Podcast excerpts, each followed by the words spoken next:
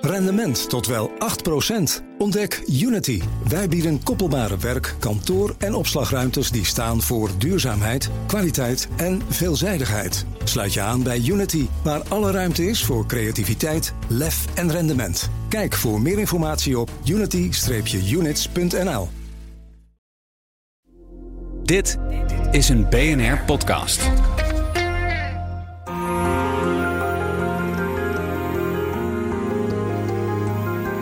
Je luistert naar De Stratege, een podcast van BNR in samenwerking met het Den Haag Centrum voor Strategische Studies. Mijn naam is Paul van Liemt. Een einde voor het conflict in de Rode Zee is nog niet in zicht.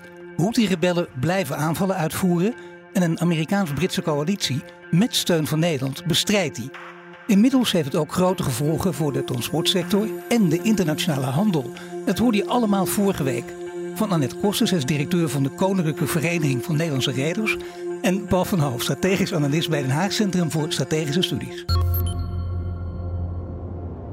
Je ziet gewoon dat vandaag de dag uh, uh, zij die slechte zin hebben, doorhebben dat je uh, door middel van de ontwrichting van de zeevaart eigenlijk heel veel kan ontwrichten zonder direct heel veel burgerslachtoffers uh, te creëren. Dus het, dat wat 60 jaar lang even in een, in een kastje was gestopt en niemand als methodiek gebruikte, zie je nu weer opkomen. Ja, en daar, daar schrikken wij gewoon enorm van. En daar moeten we met elkaar over hebben. Ja, is er een oplossing? Nee, wij gaan niet onze zeevarenden tot halve militairen op, uh, opleiden. We gaan niet aan boord van onze koopvaardij allemaal afweergeschud en dat soort dingen zeggen. Dit, dit kan gewoon niet de bedoeling zijn. Um, we kunnen met elkaar hebben over uh, hoe zorgen we ervoor dat wij als Nederlandse slash Europese reders ook gewoon door al die gebieden kunnen varen. Want dat is even nog ook iets grappigs, wil ik toch even genoemd hebben. Die Chinezen die roepen vandaag de dag heel hard dat zij met hun schepen wel veilig door die Rode Zee kunnen. Ja. En wel veilig door dat gebied. En dit is natuurlijk iets wat, um, wanneer we met elkaar spreken over concurrentie, uh, is dit wel een heel aparte ontwikkeling die daar uh, op dit moment plaatsvindt. Nee, dat is, dat is een hele belangrijke opmerking. Ja. Want de, ik zou bijna een apart programma gaan vergen, Paul. Maar even afrondend. Nee, maar, oh, sorry. Nee, nee maar, maar, dit, nee, maar het, is een, het is interessant, want de rol van China... Kijk, het is een publiek goed. Hè? Dit, zijn goederen die van en naar China gaan ook. Of in ieder geval uiteindelijk door China heen gaan. Dus dit is ook hun economisch belang. En wat ze nu niet doen... En we zouden nog misschien proberen te verleiden om dat te doen. Dat zou goed zijn. Maar wat ze nu niet doen en wat heel veelzeggend is, is bijdragen aan die publieke veiligheid. Ze kiezen duidelijk voor een eigen unilaterale pad hierin. Nou, net Kosten en Paul van Hoos zijn opnieuw de gast. We gaan luisteraarsvragen beantwoorden. Joachim heeft de volgende vraag. Joachim, uh, dat is een slimme luisteraar. Die, die stuurt vaak vragen in. Die wil dit weten. De Houthis vallen geen Chinese en Russische schepen aan omdat ze openlijk de Palestijnen steunen en de acties van Israël veroordelen. Als we hun optreden interpreteren als steun aan dit machtsblok, is een toenadering met handelsakkoorden is dat dan een betere strategie? Misschien beginnen bij jou, Paul. Ik, uh, ik, heb, ik heb de vraag gelezen, maar handelsakkoorden met, met wie? Met de Houthis? Met, dat, dat, dat begreep ik niet helemaal de vraag. Ik denk dat. Um, ik denk dat hij dat bedoelt, ja. Ja, ik, ik, ik, ik denk. Uh, zonder een expert van het conflict in Jemen te zijn, lijkt me toch dat de Houthis een relatief um, extreme positie nastreven ten opzichte van Israël, Amerika en de rest. En ik denk niet dat uh, de belofte om met een niet-statelijke groep, die uh, gewoon een rebellengroep, uh, daarmee te gaan handelen, dat dat ze voldoende gerust zal stellen. Ik, ik denk dat we ook, dat is ook een goed teken van, of een goede illustratie van, van dat we niet meer in een wereld zitten waarbij Um, wij beloven je om een beetje met je te handelen en nu komt alles weer goed. Dit is, dit is niet. Ik denk dat zo nee, vind je dit echt dan toch nog steeds het oude denken van. Ja, ik denk dat er een soort naïviteit in zit. Wandel door handel nog steeds. Ja, precies. Dat, dat we denken dat uiteindelijk iedereen een soort liberale wereld, eh, in termen van vrijhandel, liberale wereld is. En dat als we allemaal maar genoeg met elkaar handelen, dat we, dat we geen substantiële meningsverschillen meer hebben. We handelen heel veel, historisch ook, wordt er heel veel gehandeld tussen, tussen vijanden. Het, het, is, het, is, het is echt een ouderwetse manier van erover nadenken ondertussen, naar mijn idee. Ja, dat is toch interessant. Ook vanuit het perspectief van de rederij. Is dat, vind jij dat ook net? Is dat echt die ouderwetse manier van denken? Want dat is een hele prettige manier van denken. Wandel door handel. Ja, uh, in principe handelen wij altijd, of faciliteren moet ik zeggen wij eigenlijk uh, ja. meer de handel. En uh, zullen we dat ook continueren tot er wordt gezegd, nou, tot hier en niet verder bijvoorbeeld. Hè? De sancties tegen Rusland relatief recentelijk. En dan is het aan ons om daar ook op terug te trekken. Hoe minder internationale conflicten er zijn, hoe beter dat natuurlijk voor ons is. Aan de andere kant, nu ook heel eerlijk, op het moment dat er internationale conflicten zijn, dan zie je ook, ook nu weer, als je kijkt naar bijvoorbeeld de containerprijzen, dan zie je dat die weer toenemen. Dus uh, het is een beetje ambivalent. Nou, ambivalent, maar het vergt dus ook een andere manier van denken, andere manier van leiderschap. Uh, andere manier van, van, van denken ook bij de directeur van de, van de Vereniging van Nederlandse Reders. Ja, dat zeker. Maar tegelijkertijd moet ik ook heel goed weten wat mijn positie is. En als ik kijk dat uh, zogenaamd politieke vijanden elkaar toch van uh, gas en olie voorzien. via leidingen richting Israël bijvoorbeeld of wat dan ook. Dan denk ik, hmm, dan weet ik dat mijn rol hierin maar zeer, zeer beperkt is. Nee, dat is een, wel een heel belangrijke relativering. Mm. Dan Bert, die wil weten hoe verdedig je, Paul, die is voor jou, hoe verdedig je überhaupt een zee? Is het niet veel te groot om goed te kunnen verdedigen? Ook al wil je dat tegen ruststelling naar buiten brengen, maar kan het eigenlijk niet? Nou, dat is, dat een goede vraag. Want, maar eigenlijk verdedig je niet een hele zee. Hè? Uh, het gaat de hele tijd over die, die, die choke points, die knelpunten. Want waar het eigenlijk echt gevaarlijk wordt, is als schepen in de buurt van land opereren. En dat is altijd historisch is dat altijd de punten waar ze het meest uh, aangevallen worden door piraten, door vijandelijke staten, wat dan ook. Um, wat wel veranderd is, is dat het nu ze over veel langere afstanden bedreigd kunnen worden. Dus, dus zelfs de, deze niet-statelijke groepering heeft uh, raketten, heeft uh, onbemande vliegtuigen die het ergens tussen de 1000, 1500, 1800 kilometer kunnen afleggen. Dus dat, dat is aanzienlijk. Dat gezegd hebbende hebben we ook verdedigingsmiddelen die diezelfde afstanden kunnen bereiken. Dus die, die lucht- en verdedigingsfregatten, die, kunnen, die luchtverdedigingsfregatten, die kunnen heel grote afstanden eigenlijk veilig houden. Niet, niet tegen misschien een, een grootmacht die, dat, die deze, zo'n scheepvaartroute zou, zou aanvallen, maar wel tegen een wat minder, minder capabele tegenstander. Dus, dus, dus er is wel, op die, wat die punten zijn dus veel beperkter. En we hebben nu middelen die ook op hele lange afstand verdediging, kunnen verdediging En dan bijvoorbeeld tegen piraterij. Dus dan even mijn vraag mhm. aan jou, hè, Paul. Uh, als je nu kijkt, uh, even los van het Rode Zee-conflict. Wij zien nu een enorme, enorm maar oplading van uh, piraterij aan de westkust van Afrika. Het is een gigantisch gebied. Je ziet ook dat ze steeds verder uit de kust gaan. Dus zelfs de, de, de, internationale zee op. Dat is vrij lastig te verdedigen. We zien dat daar een fregat bijvoorbeeld is vanuit, van, vanuit de Denen. Nou, in die zin, ik luisterde naar deze vraag en ik dacht, ik ben benieuwd. Ja, dat, dat, is, goed, dat is een goede vraag. Dus ik, ik dacht erover puur dit in de zin van de, de aanvallen die er nu plaatsvinden in de Rode mm. Zee. Piraterij is inderdaad veel moeilijker. Dat is gewoon, dan heb je het inderdaad over enorme gebieden en dan kunnen ze ook veel meer op open zee misschien, of ook in de buurt van land, maar kunnen ze opereren. Mhm. Ehm, en dan zou je misschien toch nog steeds kunnen denken aan wat, aan beveiliging op schepen zelf. Uh, omdat inderdaad vergatten, we hebben heel weinig vergatten. dus, dus Nederland heeft nu, nu zes vergatten. Wat, je, wat dat betekent is niet dat je alle zes tegelijkertijd uit kan sturen. Want ze zijn altijd, worden ze onderhoud, reparatie, de bemanningen. We hebben een tekort aan bemanningen constant. Dus van, we hebben het ongeveer uitgerekend dat meestal kun je van, als je, kun je voor elke vier schepen die je hebt, kun je er één, één op uh, uitsturen. Dat betekent dat wij nu een soort anderhalf schip beschikbaar hebben. En, en dat is niet voor de, de Britten of de Fransen of de Duitsers of de Italianen veel beter. Dat, daar zit het op soort drie, vier, twee beschikbaar op elk gegeven moment. Dus inderdaad, als je zo'n heel groot gebied wil bestrijken, zul je één hoe dan ook moeten samenwerken met andere staten. Mm Dat doen we al. We doen ook heel veel aan uh, hoe heet het, uh, maritieme uh, inlichtingen verzamelen. Dus, dus, dus in, gewoon constant observeren van hele grote maritieme ruimtes, zodat je sneller op de juiste plek kan zijn. Maar ja, je zal ook iets moeten doen op de beveiliging, denk ik, op de schepen zelf. Of misschien ook wat kleinere, misschien ook onbemande schepen te hebben om daar een soort in grotere gebieden te kunnen bestrijken. Maar inderdaad, dus een, een enorme klus, die piraterij.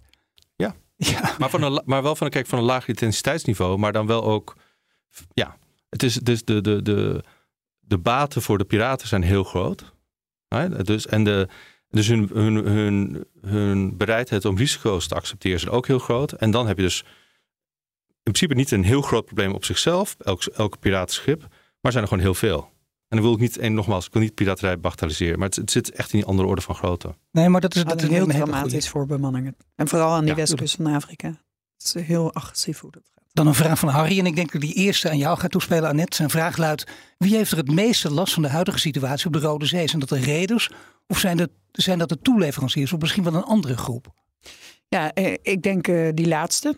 Dus uh, de verladers. En uiteindelijk, oh uh, dus ook als je kijkt nu naar berichtgeving vanuit Tesla, bijvoorbeeld, die fabriek heeft moeten sluiten. Lidl, die heeft gezegd: ja, we krijgen problemen met bevoorrading.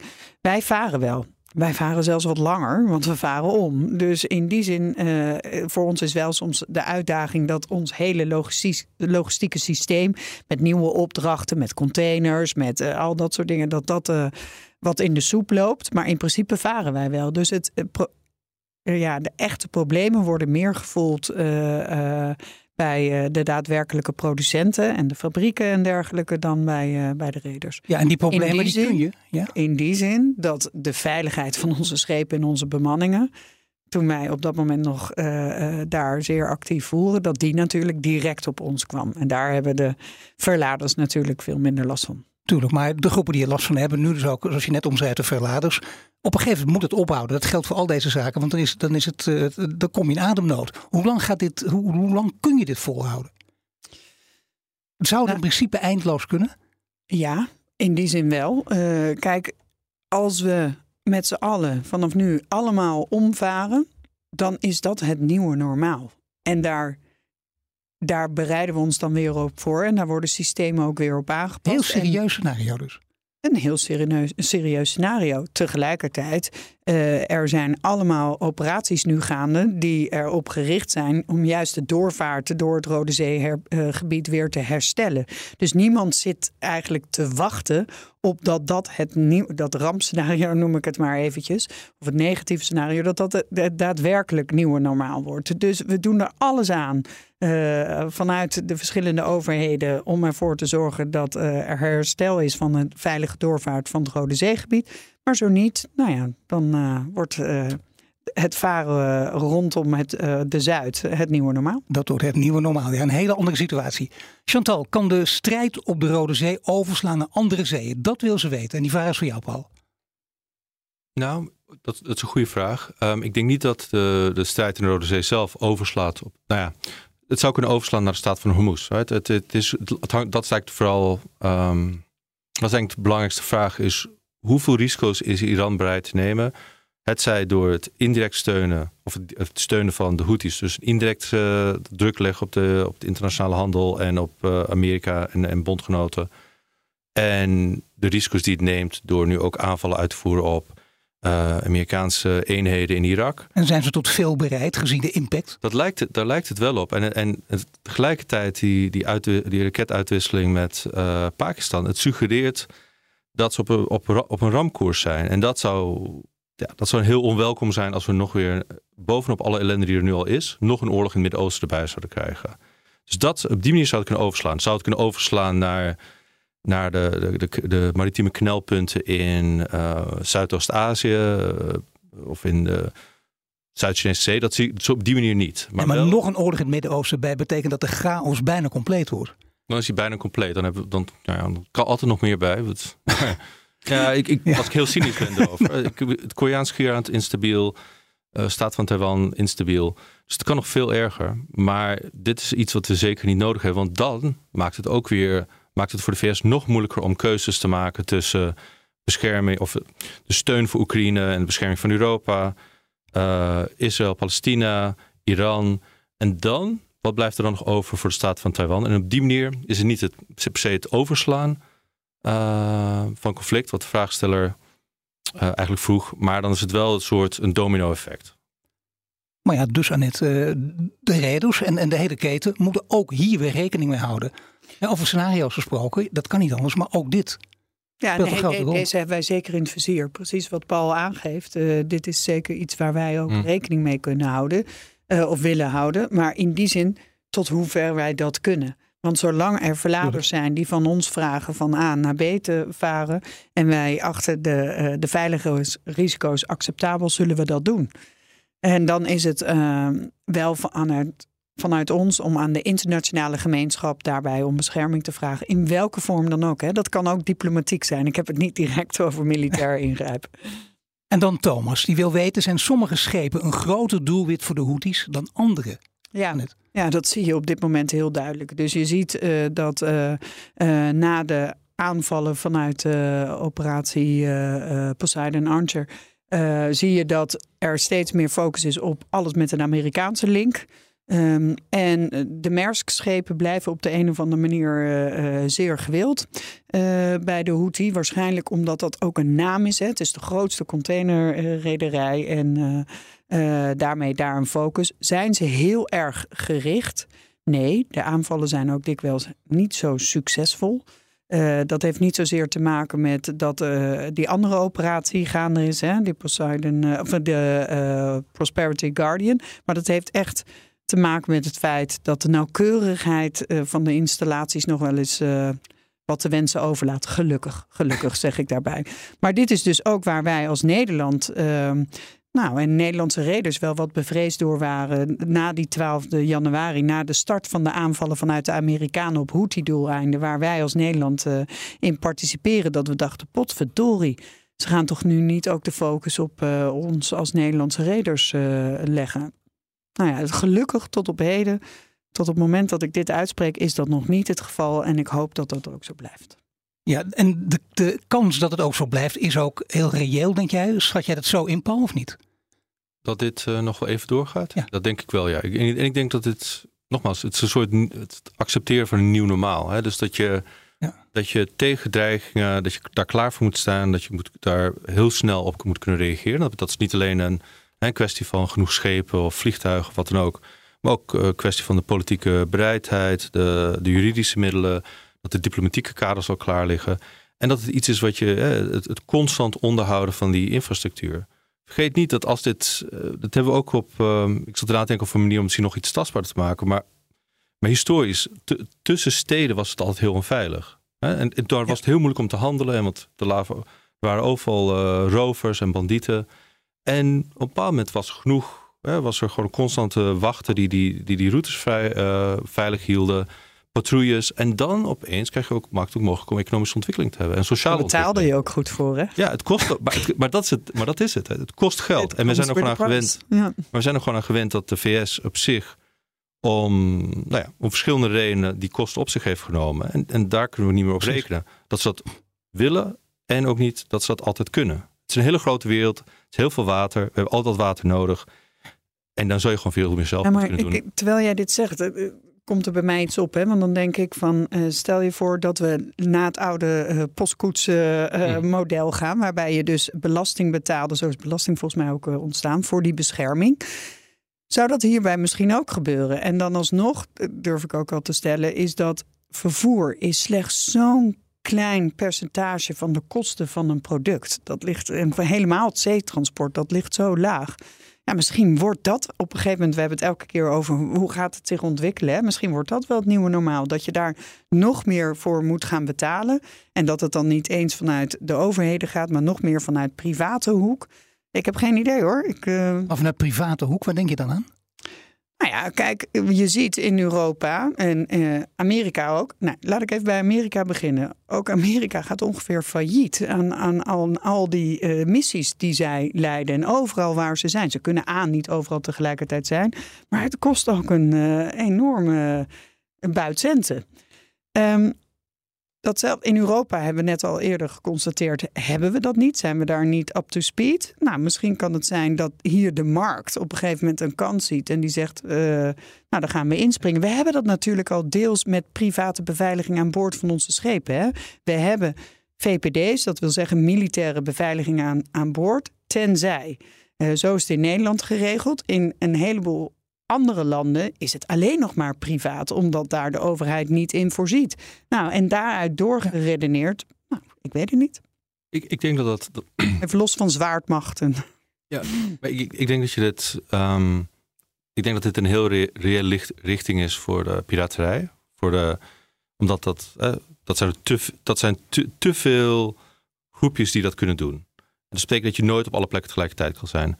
Maar voor alle, de echte beveiliging van de zeeroutes voor, voor, van, van staten en zo, is dat geen mogelijkheid te privatiseren. Om, om, omdat een soort een private vloot van fregatten is met luchtverdedigingsraketten. En als dat zou kunnen bestaan, zou, ik niet, zou het volgens mij niet helemaal wenselijk zijn. Nee, nee, maar we zien dat er een lacune is. En tegelijkertijd willen ook al die al die staten hun, uh, hun economieën laten doordraaien. Dus eh, nee, het was ook meer een, een, een hersenspinsel. Nee, hè? Ik, ik, maar dat genoeg van soevereiniteit en dergelijke om te ja, maar dat is heel fijn voor een uitzending ook, dat je zo vrij kan praten. Dat oh, willen we ook heel graag. Maar, maar dat is nou juist, dat, dat, nou, het onderstreept dat echt staten weer hun verantwoordelijkheid moeten nemen hierin. En dat dit uh, veiligheid is, is veiligheid, ik zei, ik zei het uh, vorige week ook uh, zonder je bent alleen maar bewust van dat veiligheid als je het niet meer hebt. Of als het heel erg snel aan het afnemen is. Maar veiligheid maakt al alle rest mogelijk. Dit ook. Je kunt niet handel hebben zonder veiligheid. Je kan niet over staat zonder veiligheid. Dus je moet, betekenen, je moet begrijpen dat dat gewoon tijd en geld gaat kosten. En als dat de mensen in Nederland zich dat realiseren, dat dat voorwaardelijk is om hier onze spulletjes, ons eten, alles wat we aan hebben en dat soort dingen te kunnen hebben en houden, dan uh, ben ik al uh, gezegend. Goed. Ja. Oké, okay, ik dank jullie beiden. Annette Koster, directeur van de Koninklijke Vereniging van Nederlandse Reders. En Paul van Hoof, strategisch analist bij Den Haag Centrum voor Strategische Studies. En volgende week dan zijn we er weer met een reguliere aflevering van De Strateeg. En wil je De Strateeg vaker beluisteren? Abonneer je meteen in je favoriete podcast app. En tot de volgende keer.